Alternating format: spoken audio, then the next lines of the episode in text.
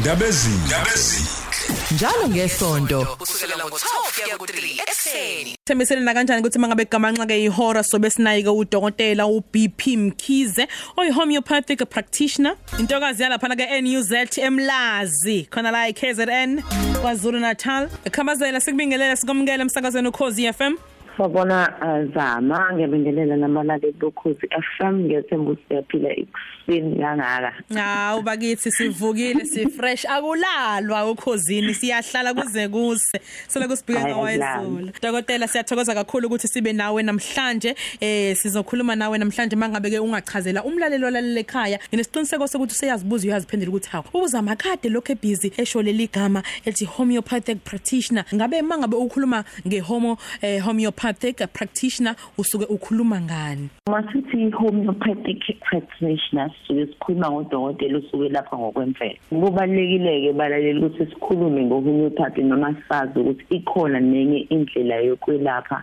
ayikho yodwa indlela. So masithi homeopathy i-alternative medication silapha ngobuchwepheshe bemvelo kusuke kudokotela usuke efundile. Bakula eSouth Africa uyafunda iminyaka eyi-6 ezofunda e-DUT noma ise-UJ.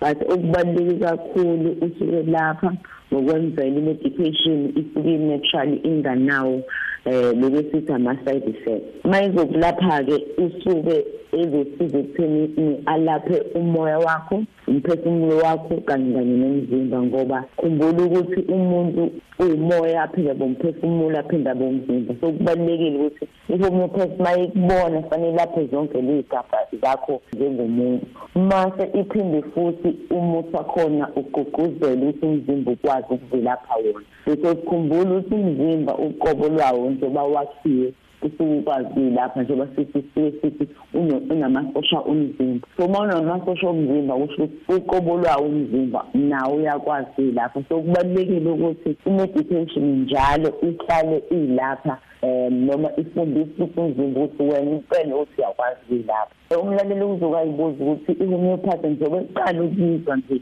iqale nini le ndaba yinto kangakanani?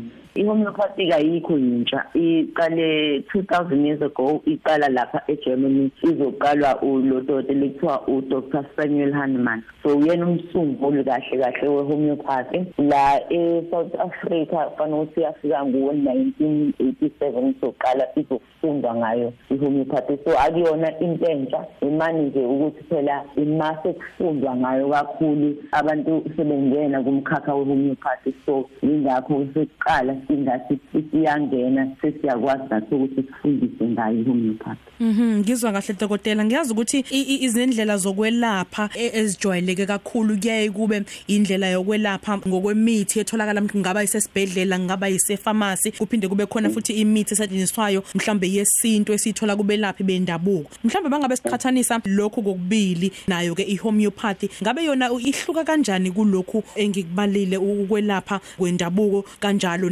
nemithi esithola ezibhedlela nasemapharmacy Right so masithi ubona i-homeopathy uh, homeopathic practitioner isuke izokunika medication ekuthiwa i-homeopathic remedy. So yona indlela asuke zokulapha ngayo ayifani medication yasuke zokunika yona.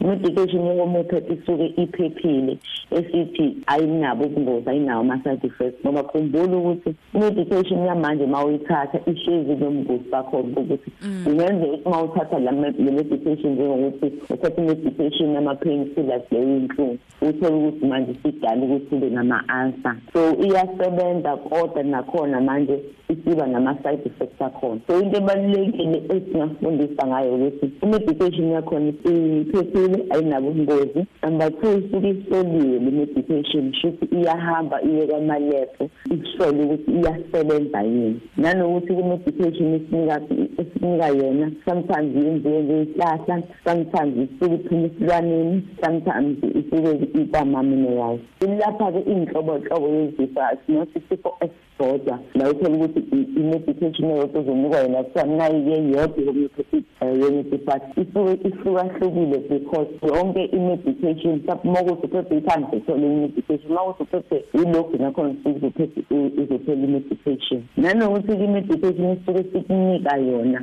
ake ngithi nje zama uma ukuthi uphathwe ikhanda nami ngiphathwe ikhanda indlela ezosiphatha ngayo ikhanda ayifani.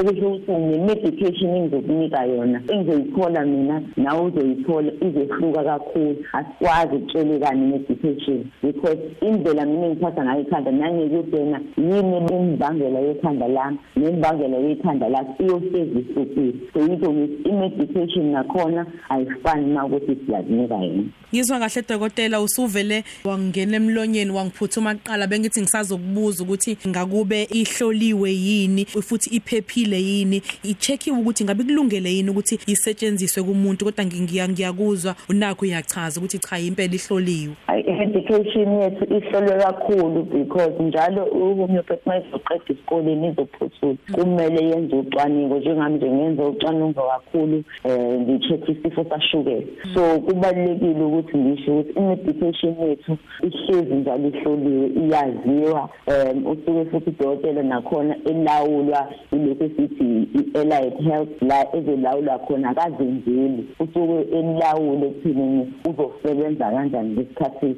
um esebenza? Dokotela impela kuningi kakhulu esikufundile namhlanje nesiqiniseko sokuthi nomlaleli ekhaya ufunde into entsha namhlanje njengalokhu nami ngifunde okusha. Siyabonga kakhulu ngesikhathi sakho. Mhlawumbe sesiphetha zikhona ni number ongasishiyela zona noma mhlambe inkundla zokuxhumana esingakuthola kuzona manguthi sifisa ukukuthinta? Yebo kakhulu zama thina sitholakala endaweni ezowu-two indawo ese-pine town um i-just i-opposite lokwesithi home affairs um se-moodies blue noma sise-dude of medical center lapha um ethekwini sizokunika iy'namba zethu zowu-two inamba ezoyikhipha zina-whatsapp futhi uyakwazi ukusifonela inamba ithi zero six three four eight two 3716 leyesibili inamba yethu ithi 061 463 4232 izona inamba zethu bangasithinta yona. Dokotela siyabonga kakhulu ukuthi sibe nawe namhlanje emsakazweni ukhozi.